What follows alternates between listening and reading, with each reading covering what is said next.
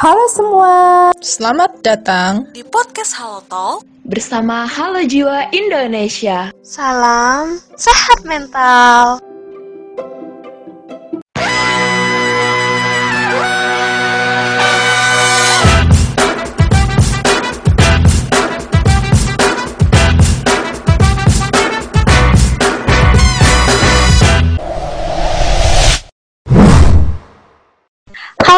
Semuanya, hai kembali lagi bersama saya di sesi podcast Halo Talk. Saya Retno Pratiwi. Nah, hari ini uh, kita lagi ditemenin sama host spesial nih. Jadi Kakak Dina lagi absen dulu ya, tapi ada yang nggak kalah apa ya, nggak kalah seru, nggak kalah manisnya dari Kakak Dina. Jadi kita ditemanin sama scriptwriternya dari podcast Halo Talk di Halo Jiwa. Itu adalah Kak Ella. Hai Kak Ella. Hai juga Retno. Wah malu juga ya aku diperkenalkan seperti itu. Perkenalan dong Kak. Oh ya, oke oke, boleh deh. Uh, aku perkenalkan diri dulu ya. Uh, okay. Untuk kawan-kawan semua, perkenalkan nama saya Daniela. Biasanya saya dipanggil Ella kalau di Halo Jiwa. Untuk saya sendiri di Halo Jiwa, saya perannya itu menjadi anggota dari salah satu tim namanya tim SOB atau Sense of Belonging. Iya iya. Hmm. Kalau tugasnya tim SOB apaan tuh kak di Halo Jiwa? Ah untuk tim SOB ya, uh, eh, SOB ini kami sendiri sebenarnya uh, agak mirip dengan namanya ya. Jadi tujuannya kami itu untuk memberikan rasa kepemilikan terhadap anggota Halo Jiwa. Oh. Atau kalau bahasa singkatnya nih, Retno, uh, hmm. itu tuh kita jadi kalau misalnya di organisasi kawan-kawan nih, biasanya kami tuh kayak humasnya gitu. Wih, gila, gila ya, keren keren keren. Oke, jadi kita masuk ke topik hari ini ya. Kita mau bahas apa nih kak? Uh, untuk topik kita hari ini sendiri nih, sebenarnya kita akan membahas tentang berdamai dengan perubahan. Hmm, selaras dengan podcast kita yang kemarin ya soal self talk jadi berdamai dengan diri. Jadi sekarang kita bahas soal berdamai dengan perubahan gitu. Tapi sebelum bahas itu nih kak um, kayaknya kita mau bahas trauma kolektif dulu nih. Kan sekarang lagi new normal jadi banyak nih uh, pasal-pasal maksudnya persoalan yang bahas soal trauma kolektif. Jadi untuk trauma diri nih kawan-kawan dan Retno sebenarnya trauma kita tuh sering mendengar kata trauma ya Retno ya? Mm uh -uh. untuk yang trauma sendiri tuh kalau Retno sendiri menilai trauma itu seperti apa?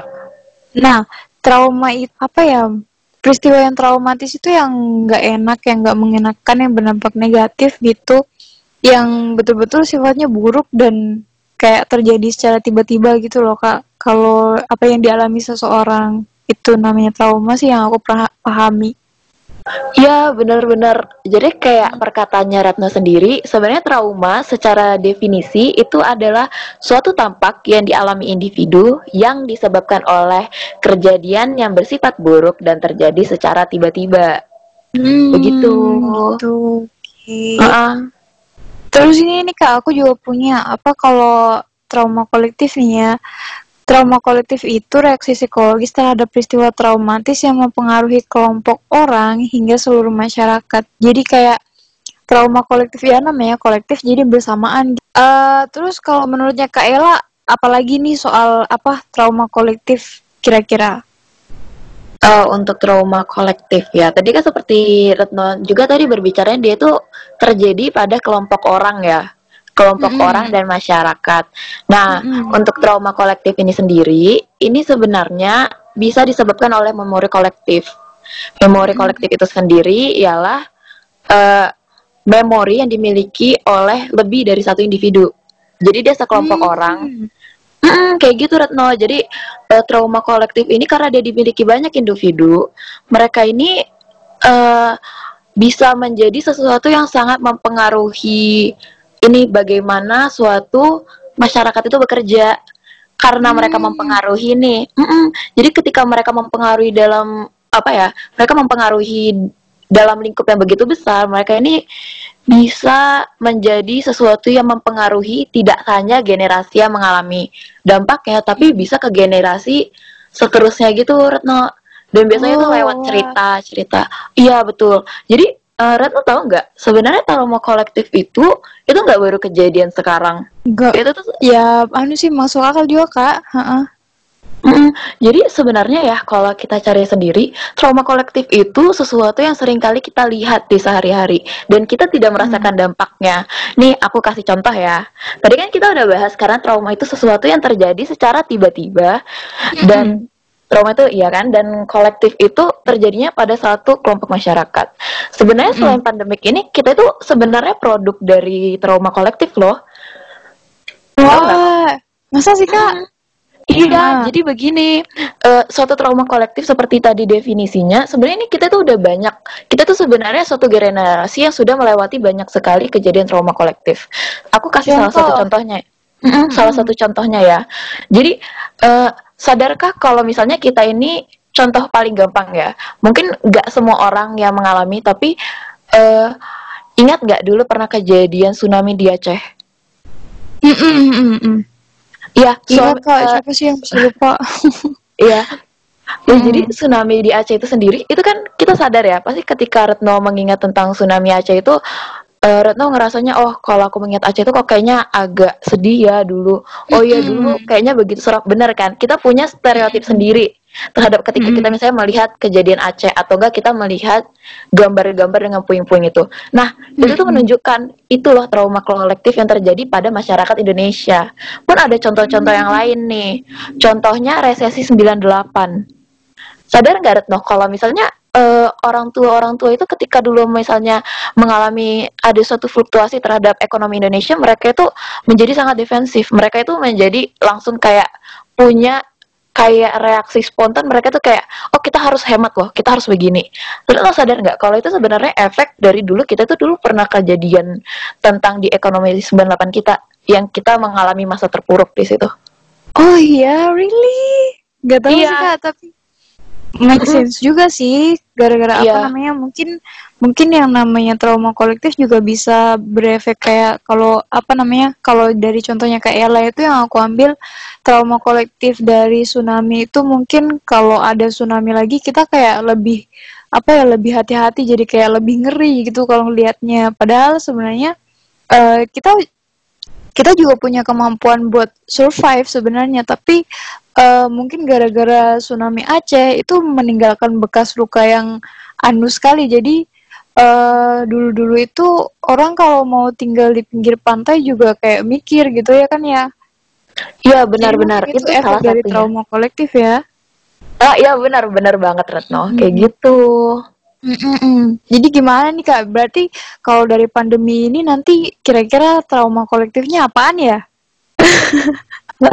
Oh itu bisa banyak. Jadi Hmm. sebenarnya untuk trauma kolektif sendiri ini kan sebagai ini ya eh, efek dari trauma kolektif sendiri seperti kita bisa lihat mereka itu memberikan memori kolektif seperti tadi aku bilang. Karena mereka terjadinya dan di apa dialaminya itu oleh orang-orang dengan jumlah besar. Ah, Ini dia nih. Salah satu efek trauma kolektif itu adalah memberikan sentimen. Sentimen kepada orang-orang sekitar.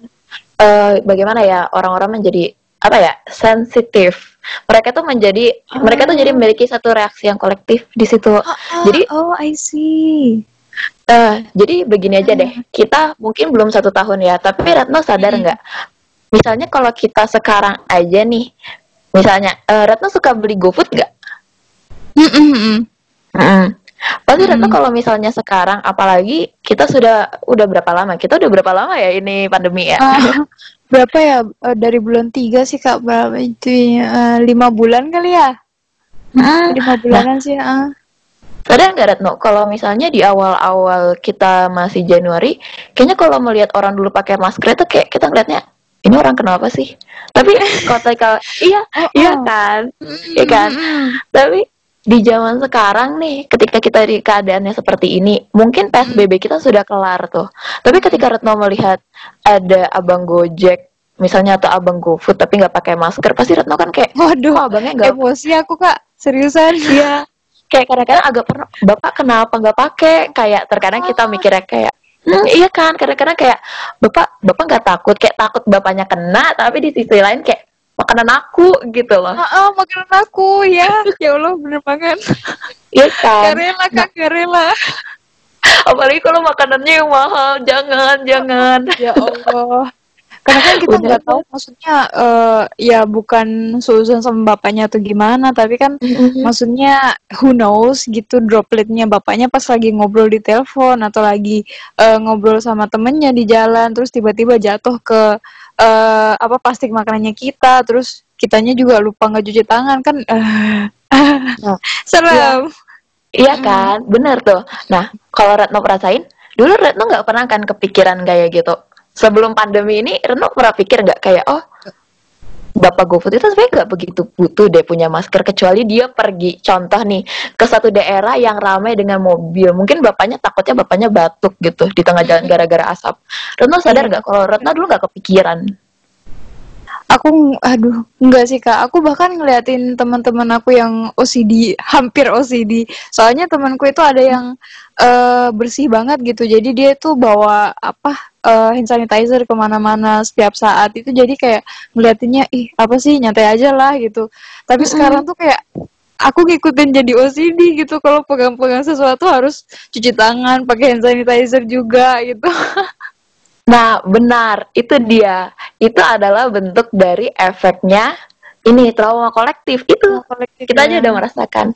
Retno sadar nggak sih? Kayaknya gimana?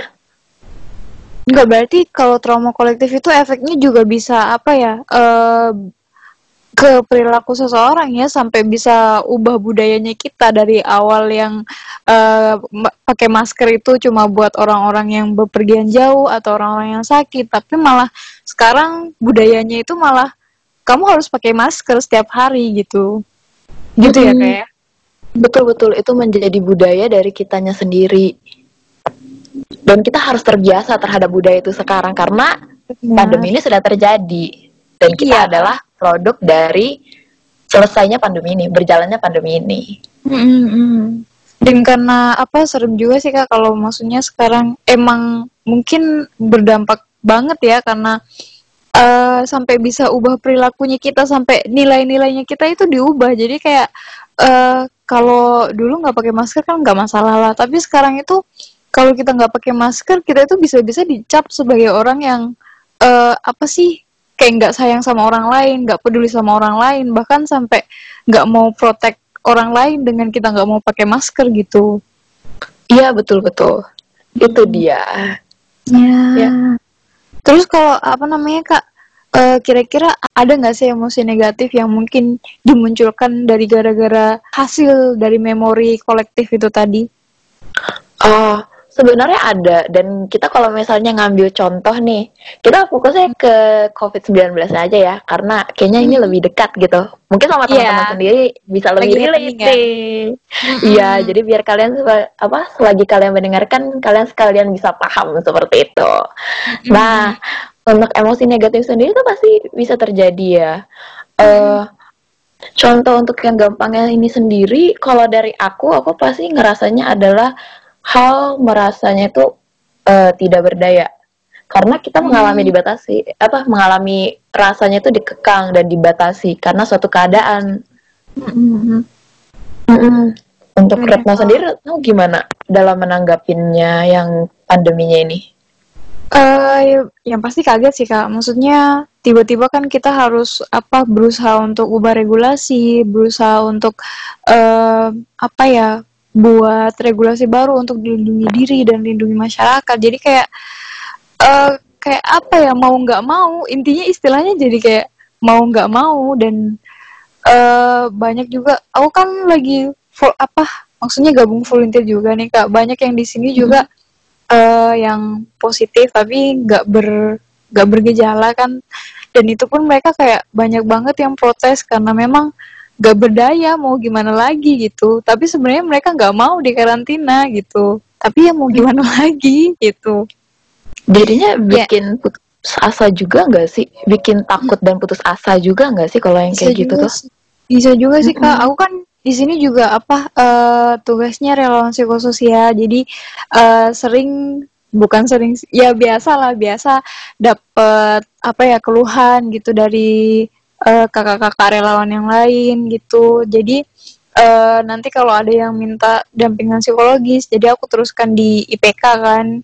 Eh dan mereka apa ya bilangnya itu kalau di dalam kamar itu biasa tiba-tiba ngerasanya khawatir terus cemas kayak bahkan ada yang apa sampai frustasi banget gitu loh kak. Karena mungkin khawatir akan penyakitnya terus khawatir akan kondisinya gitu khawatir sama keluarganya di rumah gitu banyak sih jadi banyak kekhawatiran gitu sih kak Iya, bener banget sih. Apalagi kalau jauh dari keluarga ya. ah ah, bener banget apalagi Iya. kalau di karantina 14 hari kan kak wah bagus sih Ah. kalau 14 hari karena di sini banyak banget gak banyak sih maksudnya ada beberapa yang udah sampai satu bulan dua bulan itu kan waduh di dalam kamar sendirian sat- dua bulan gak kebayang kalau aku Ih, seru banget. Aku juga soalnya kalau mikir eh, bagaimana ya menanggapin itu kayaknya wah gitu banget ya. Ya itu benar-benar emosi negatif yang kita itu pasti bakal ngerasain sih. Dan pasti sudah kita rasain sebagian daripada kita.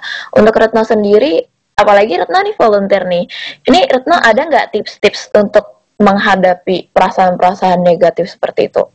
Oh, kalau apa ya kak? Eh, ada sih nih beberapa nih. Eh, mungkin nanti bisa dibagiin sama Kayla juga ya. Jadi Hmm, hal pertama yang bisa kita lakuin itu buat menghalau perasaan negatif dan berdamai dengan eh, kondisi yang ada di luar. Kita itu hal pertama adalah mengakui perasaan yang kita rasakan. Jadi kayak eh, coba deh rasain apa ya? Soalnya gini kak, aku tuh banyak pengalaman, mungkin pengalaman pribadi juga.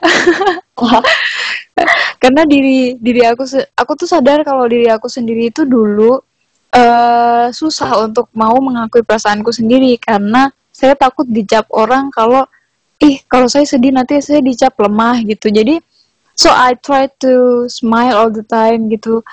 But in the end apa ya? Ya pada kenyataannya saya memang sedih. Jadi kenapa saya nggak mau ngakuin itu gitu?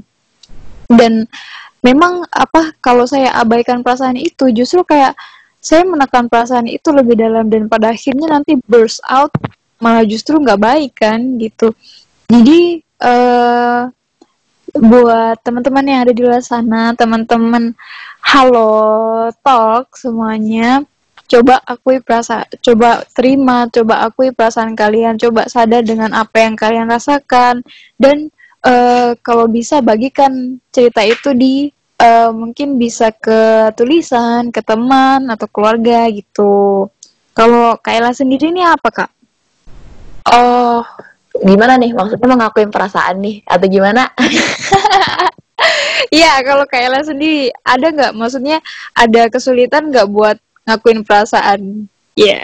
Oh, kalau aku dibandingkan seperti yang lain gitu, mungkin kalau misalnya Retno sama yang lain itu mungkin lebih kayak mm, membagikan atau menulis kayak gitu ya. Kalau dari aku sendiri, aku biasanya lebih seperti membagikan kepada teman-teman terdekat sih. Hmm. Ya, jadi keep in touch itu membuat aku itu setidaknya tidak begitu panik. Karena dengan Wow, keep in touch itu, karena dengan kita keep in touch gitu, kita nggak nyadarin kayak oh kita nggak kita nggak sendiri banget kok. Begitu. Bener-bener. Itu juga yang jadi masalah di sini sih kak. Apa kayak eh, banyak yang cemas kan kalau di dalam kamar. Terus aku tanyain kenapa pak? Lagi kepikiran gimana gimana? Iya sih mbak. Beberapa hari ini pas di dalam karantina saya memang jarang hubungan sama eh, keluarga. Mungkin chat tapi nggak ada yang sampai nelpon bersuara gitu. Jadi oh ya aku sarannya sih cuma mereka banyakin ngobrol karena apa ya emang salah satu yang paling eh, jadi faktor utama dalam depresi itu feeling of loneliness kak jadi emang harus di- dihindari sih kalau itu.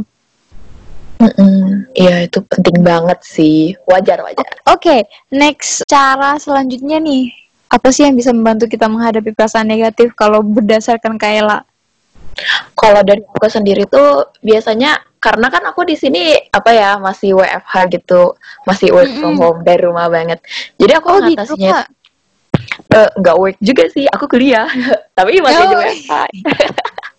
kuliah from home.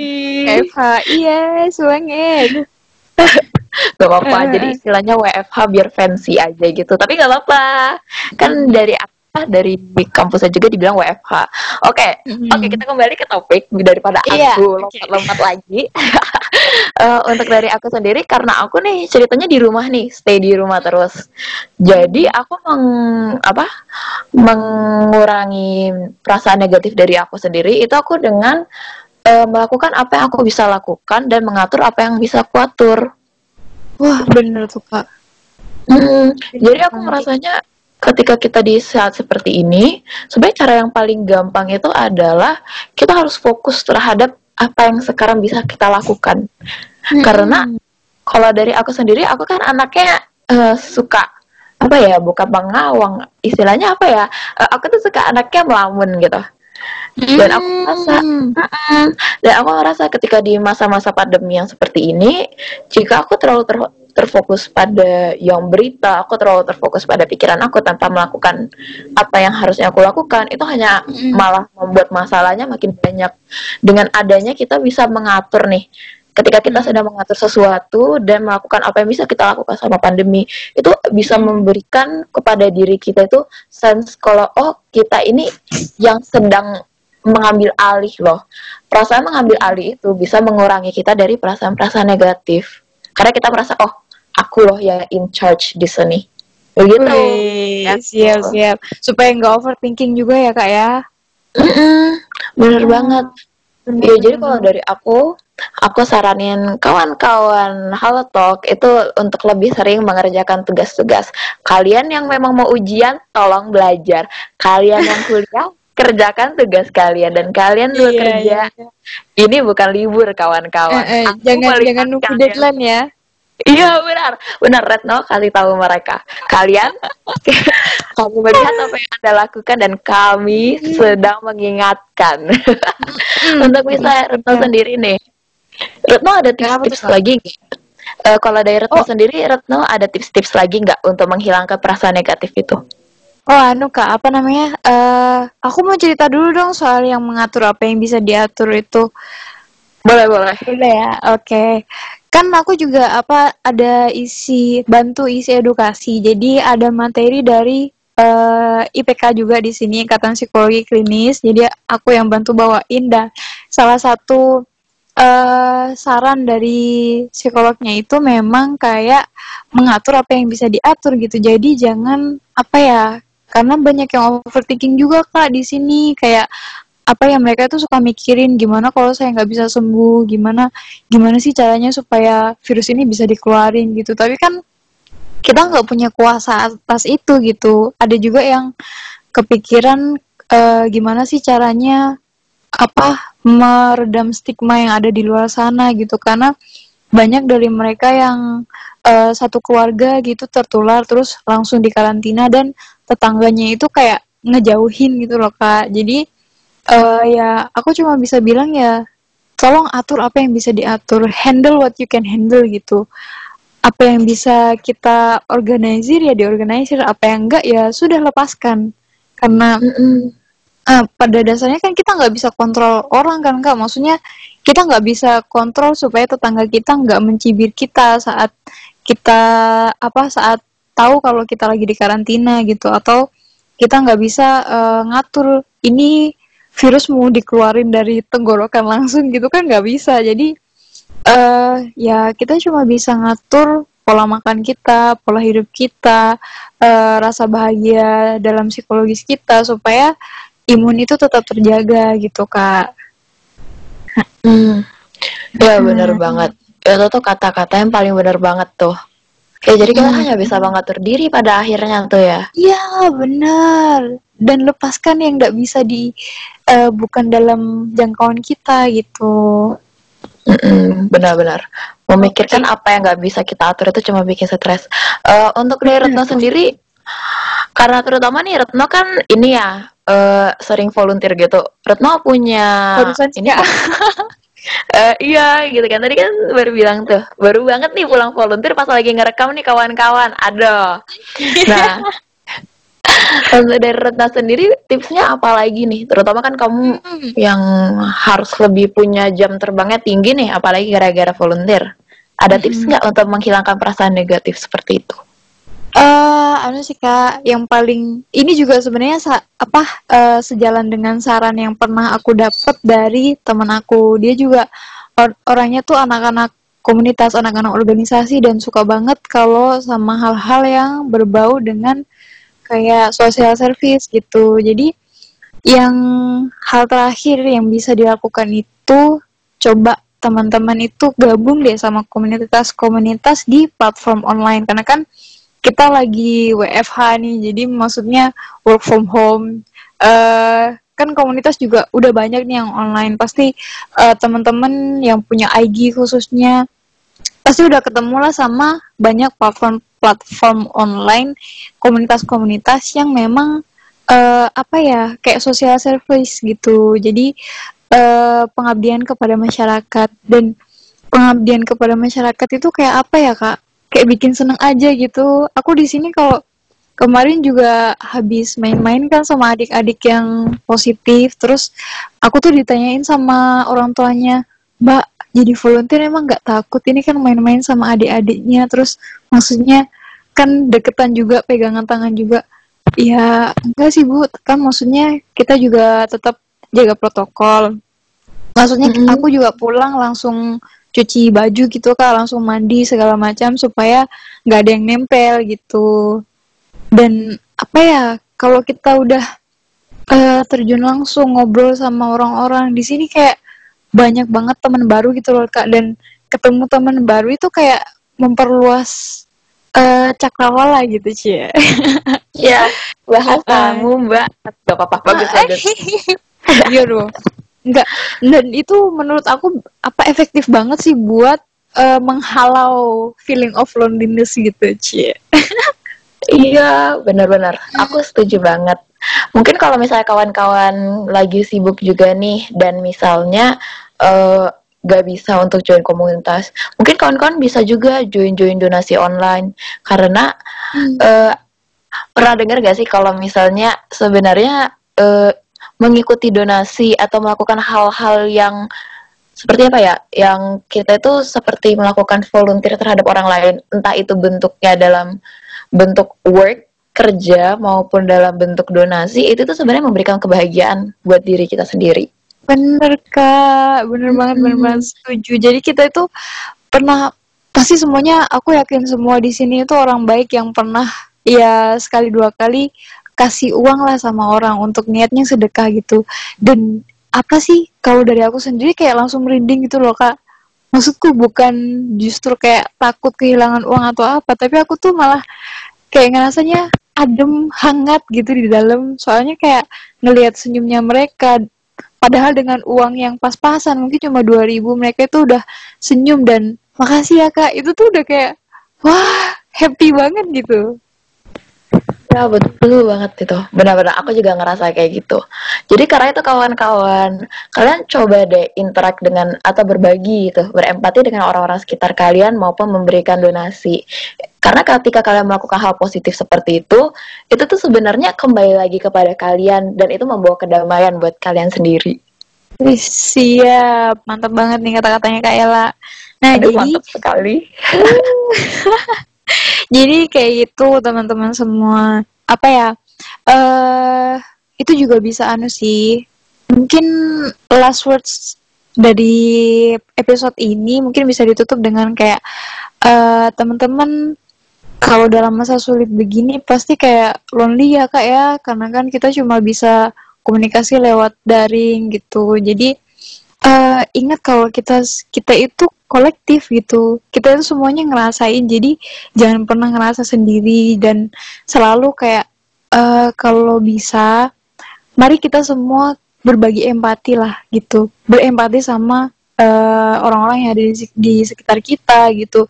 Saling membantu satu sama lain. Dan aku juga mau ingetin ya stop stigmanya tolong jangan apa ya tolong jangan eh jangan lagi stigma sama orang-orang yang positif covid. Jadi mereka itu bukan pembawa virus dan semua orang itu bisa bisa jadi pembawa virus gitu. Tapi tolong jangan stigma mereka tolong bantu mereka yang terdampak dan eh jangan apa ya jangan buat beban mereka itu tambah berat gitu loh kak. Aku juga sedih soalnya kan apa sering sedih kak.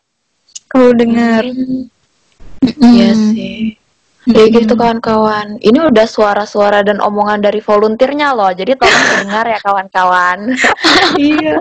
Soalnya kadang-kadang kan orang-orang kadang-kadang nggak nyadar tuh. Karena kadang-kadang dibilangnya oh gara-gara famous aja kok postnya kayak gitu dan mereka nggak nyadar. Kawan-kawan sadarilah ketika kalian misalnya menyebarkan rasa panik ketika kalian menaruh stigma seperti itu, kalian tuh sedang mempengaruhi orang loh mereka itu bener, orang Kak. yang nyata. Iya kan? Nah makanya nih kalian udah denger dari volunteernya. Jadi mari kita membangun suatu Yes. komunitas ya kan? Yang baik dan bisa gitu. Yang merangkul kawan-kawan kita nih. Misalnya juga yang misalnya terkena dampak dari hmm, apa sih tadi lupa aku namanya. Terkena dampak dari apa dari Pandemi. ini Covid. Betul sekali. ya dari pandemi Covid gitu kawan-kawan. Jadi denger ya kawan-kawan. Uh, Hmm, sebelum ini kita kan udah mau nutup ya. Sebelum kita nutup sendiri di sini, aku mau mengingatkan nih Retno.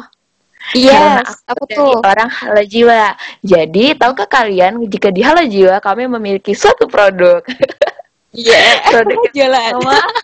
Waduh, eh kawan-kawan, ini kita menawarkan loh selagi misalnya kalau kawan-kawan masih di rumah nih dan misalnya kawan-kawan masih merasanya eh kok masih kurang ya ngomong sama orang. Aku kok bingung ya mau startnya bagaimana nih eh dalam mensortir pikiran aku. Nah, nggak mensortir juga sih, tapi misalnya kawan-kawan nih merasa- gitu kak. Ya, ya, aduh, aku susah nih memilih kata-kata. Bener, makasih sekali Retno. Ini kayaknya Retno gara-gara sering keluar deh. kayaknya karena Retno selalu keluar dan berinteraksi dengan orang-orang, jadi kata-katanya bisa Iya. lebih berwarna. Nggak apa-apa, bangga. Aduh, Oke. Malu. oke, oke. Eh, jadi dari kita sendiri kita nih punya satu jurnal. Jurnalnya itu jurnal menulis ekspresif. Jadi kalau misalnya teman-teman tertarik nih terhadap jurnal ini maupun mau nanya, ini produknya gimana sih kak? Itu kalian bisa langsung cek IG kami di IG Halo Jiwa at Halo Jiwa Indonesia. Begitu. Iya mengingatkan aja nih. bisa. Oh bisa bantu juga guys. Maksudnya eh, buat orang-orang introvert. Aku juga sebenarnya introvert kak. Jadi lebih sebenarnya lebih nyaman nulis sih dan lebih bisa berekspresi gitu. Karena kan nggak semua orang mau dengerin. Bahkan eh, teman-teman deket aja belum tentu mau fokus dengarkan semua cerita kita yang panjang lebar itu. Jadi kayak aku lebih nyaman tulis dan nanti apa next day the next month itu aku bisa baca ulang dan dapat insight baru gitu endingnya Mm, itu penting. Eh gimana ya? Penulis itu penting. Tapi kalau kalian butuh ini eh, guide buat menulis, silakan cek IG kami. Tada. yes ada guide-nya guys jadi maksudnya eh, menulis di sini kan jurnal menulis ekspresif nih kak. Jadi nggak sembarangan menulis gitu. Jadi kita bisa benar-benar mengekspresikan apa sih sebenarnya yang kita rasain gitu. Jadi bisa dibantu sama jurnal ini gitu. Mm, betul sekali, Retno. Oke, jadi mau ditutup nih kak, silakan. Wah, aku yang nutup nih. Mm, boleh. Oke, mantap sekali Ibu Retno. Jadi berakhirlah sudah obrolan kita pada sesi berdamai dengan perubahan Yeay. kali ini. Wuh, di mana teriakannya? Wuh. Maaf ya kawan-kawan, nanti Kakak Dina kembali kok kawan-kawan. Tenang, tenang. Gak apa-apa, kita heboh-hebohan aja. Oke. Aduh, ya ampun. Oke. Eh, untuk dari kita sendiri nih, kita yang dari host, kami berharap semoga pembicaraan ini nih buat teman-teman bisa tersampaikan dengan baik. Terutama Amin. dalam kita mengha Amin. Terutama dalam kita menghadapi perubahan seperti ini pun kami harapnya ini ini bisa benar-benar menjadi insight yang baru eh, Amin. untuk Amin. Iya, dan ini kami juga memohon maaf jika ini kan kita terlalu santai ya Retno ya. Kayak gini. Oh, Kalau banyak Ah, yang apa ya, kalau banyak kata-kata yang nggak sengaja gitu, yang yang bikin nggak nyaman, ya maafkan eh host-host yang baru-baru ini. Iya, kita masih belajar, geng. Tapi kami akan tetap berusaha lebih baik. Maka dari Yes. itu, saya Daniela. Saya Retno, Pamit undur diri semuanya. Terima kasih sudah mendengarkan podcast Halo Talk episode 6. Yay! Sampai jumpa. Sampai jumpa semuanya. Bye bye. Dadah.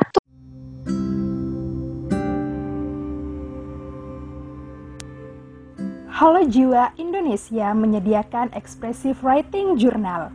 Ini adalah notebook refleksi diri di mana kamu bisa mengekspresikan segala bentuk perasaan dan pikiran baik yang menyenangkan maupun yang tidak menyenangkan. Atau jika kamu kesulitan untuk bercerita dengan orang sekitar, ini bisa membantumu loh, sehingga kamu bisa memaknai peristiwa hidup secara lebih positif. Selain itu, Halo Jiwa Indonesia juga membuka program bernama Ruang Refleksi Online. Ini adalah wadah untuk membantu kamu yang sedang merasa tidak stabil secara mental atau hanya sekedar butuh teman bercerita dalam bentuk percakapan. Untuk info lebih lanjut, silahkan follow Instagram Halo Jiwa Indonesia atau Twitter Halo Jiwa.